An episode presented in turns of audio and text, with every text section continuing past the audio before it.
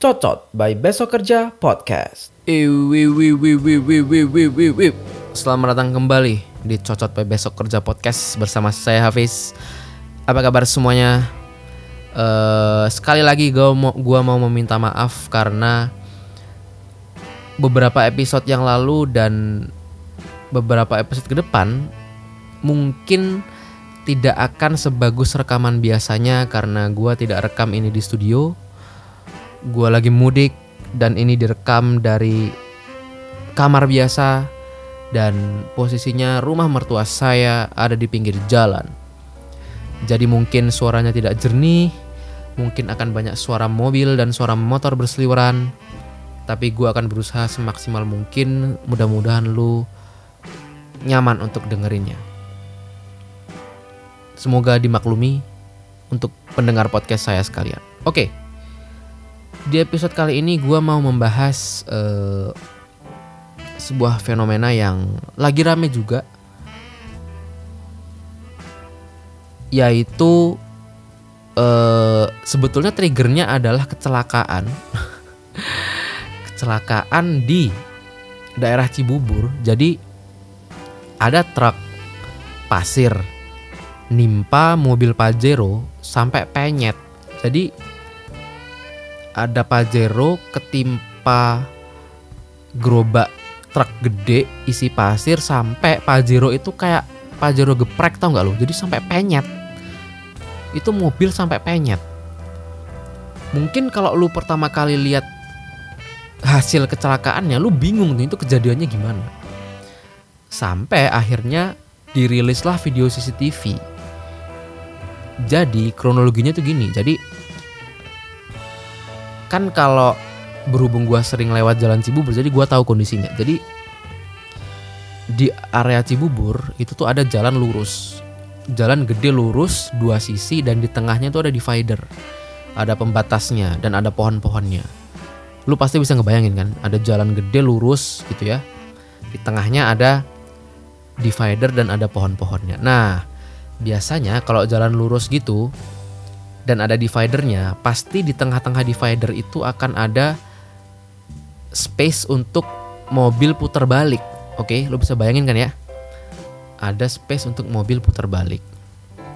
Nah, ceritanya pagi-pagi jam setengah enam ada truk pasir lagi jalan. Oke, lagi jalan lurus terus tiba-tiba ada mobil Pajero yang dikendarai oleh eh, TNI, gua nggak tahu pangkatnya apa, yang mau muter gitu. Jadi ada truk jalan maju tiba-tiba disalip sama kayak sama Pajero, nyalain lampu strobo dan tetot tetot tetot. Nah, truknya kaget. Jadi Pajeronya mau muter, set truknya kaget ngerem belok, akhirnya truknya keguling lah tuh truknya keguling. Di sebelahnya persis ada Pajero truknya keguling ya udah. Pajeronya kege kegeprek gerobak truk pasirnya pada tumpah sampai Pajeronya itu penyet.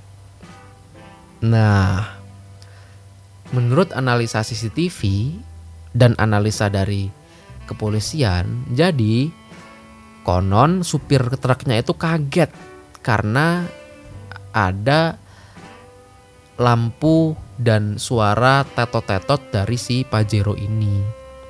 Kaget dia ngerem belok sampai truknya keguling. Nah, nah, nah, nah, nah, nah, nah. Gini. Pajero dan Fortuner pakai strobo, pakai tetot-tetot itu itu kan udah sering banget viral ya. Gua gue udah nggak bisa ngitung tuh itu udah berapa puluh kali berapa ratus kali viral ada yang sampai ngodongin senjata lah ada yang marah-marah ada yang arogan apa segala macam dan itu viral udah berkali-kali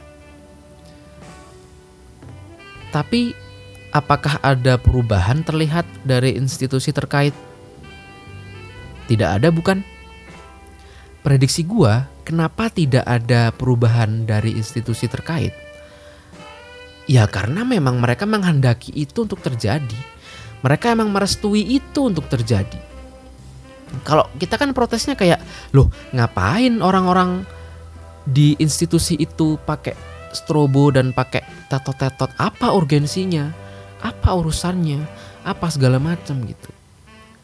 Sedangkan menurut gua institusinya menghendaki itu untuk terjadi. Kalau mereka tidak menghendaki itu untuk terjadi, harusnya itu udah hilang dari dulu dan itu gampang ngilanginnya. Gampang ngilanginnya. Kenapa gue bilang gampang? Karena gini loh, instead of lu nangkep nangkepin pajero pajero dan fortuner fortuner dengan strobo, ya kenapa nggak lu tangkep tangkepin penjualnya aja? Atau lu stop vendor strobonya aja? Kan bisa tuh. Kecuali kecuali ya dari institusi itu emang menghendaki mobil-mobilnya dipasangi strobo, dipasangin tetot-tetot dan prediksi gua itu yang terjadi. Itu tuh sama kayak anjing, sama kayak knalpot bombong tau nggak lu? Knalpot bombong itu kan secapek-capeknya polisi nangkep-nangkepin motor bombong, sebetulnya ada solusi mudah. Lu tangkep aja penjual knalpot bombong. Kenapa itu nggak dilakukan dari dulu? Ya kan kenapa lu capek-capek nangkep-nangkepin motor-motornya? Tangkep aja penjualnya. Kenapa itu tidak dilakukan? Ya karena ya mereka merestui itu, mereka menghendaki itu untuk terjadi. Dan gue sih, aduh, ya sebetulnya sebetulnya ada gua gua ada ada analisa tersendiri sih gitu kenapa itu bisa terjadi kayak kenapa orang-orang dari orang-orang berseragam ini pakai strobo dan tetot-tetot gitu ya. Padahal tidak ada urgensi yang jelas dan apa segala macam gitu.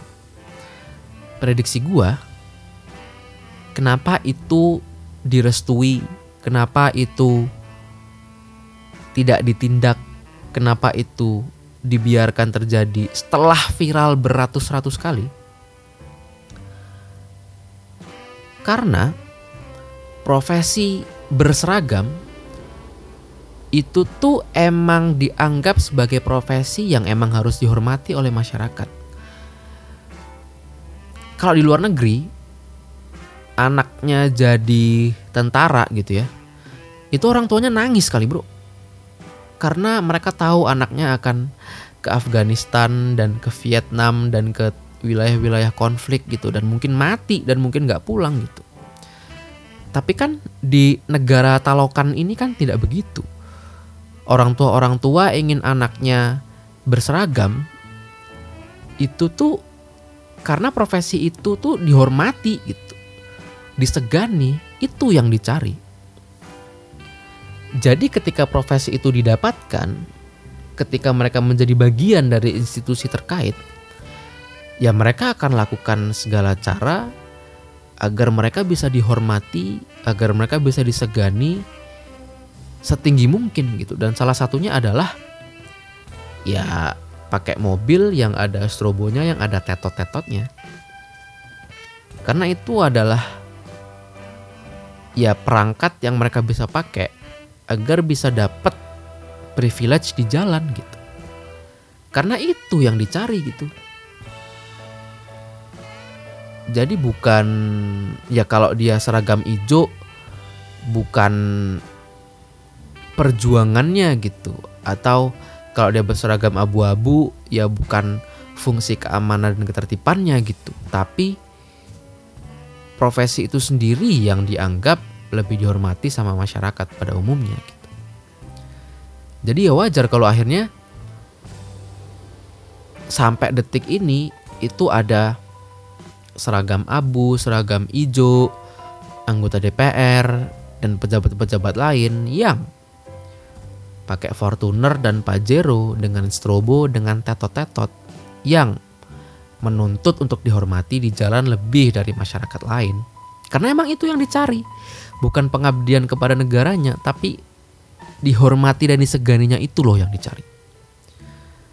Dan menurut gua itu alasan yang cukup kuat, alasan yang cukup solid kenapa fenomena tersebut masih terjadi sampai detik ini. Setelah viral sekian banyak kali ya, tapi kondisinya masih sama.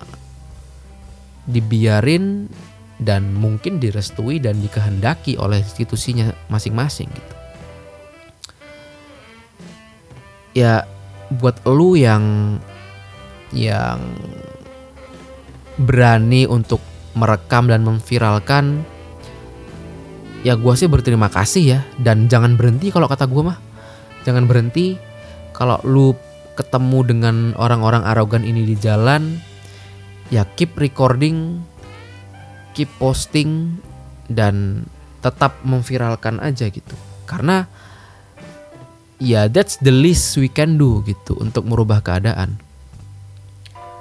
Semoga semakin sering viral dan ya karena that's the only way we can do gitu. Lu mau ngapain? Mau bikin petisi? Wah nggak bisa gitu. Semakin sering lu viralin semakin tersorot dan mungkin di situ nanti terjadi perubahan. Walau memang sampai detik ini belum kelihatan ya tapi ya that's the least we can do. Jadi buat lu yang sering papasan di jalan dengan orang-orang arogan ini sering berurusan di jalan dengan orang-orang yang arogan ini ya tetaplah berani, tetaplah menolak untuk ngalah, tetaplah merekam, tetaplah ngepost, tetaplah bikin viral gitu. Karena karena elu lah nanti akhirnya situasi akan berubah gitu. Gue sih jarang ya karena gue pengendara motor gitu gue belum mampu untuk beli mobil. Tapi buat anda yang naik mobil tetaplah berani. Dan gue berharap sama lu supaya terjadi perubahan lah ya mungkin setelah 100 kali viral belum ada perubahan who knows 100 viral kemudian akan terjadi perubahan mungkin itu aja teman-teman ya yang bisa gue share di episode kali ini apabila ada kritik dan saran silahkan kirim email ke besokkerjapodcast@gmail.com besokkerjapodcast@gmail.com atau DM ke Instagram at F A T H I A N Pujakusuma. Sampai jumpa di episode selanjutnya. Fatihan Hafiz signing out. Bye bye. Cot cot cot cot cot cot cot cot cot cot cot cot cot cot cot cot cot cot cot cot by Besok Kerja Podcast.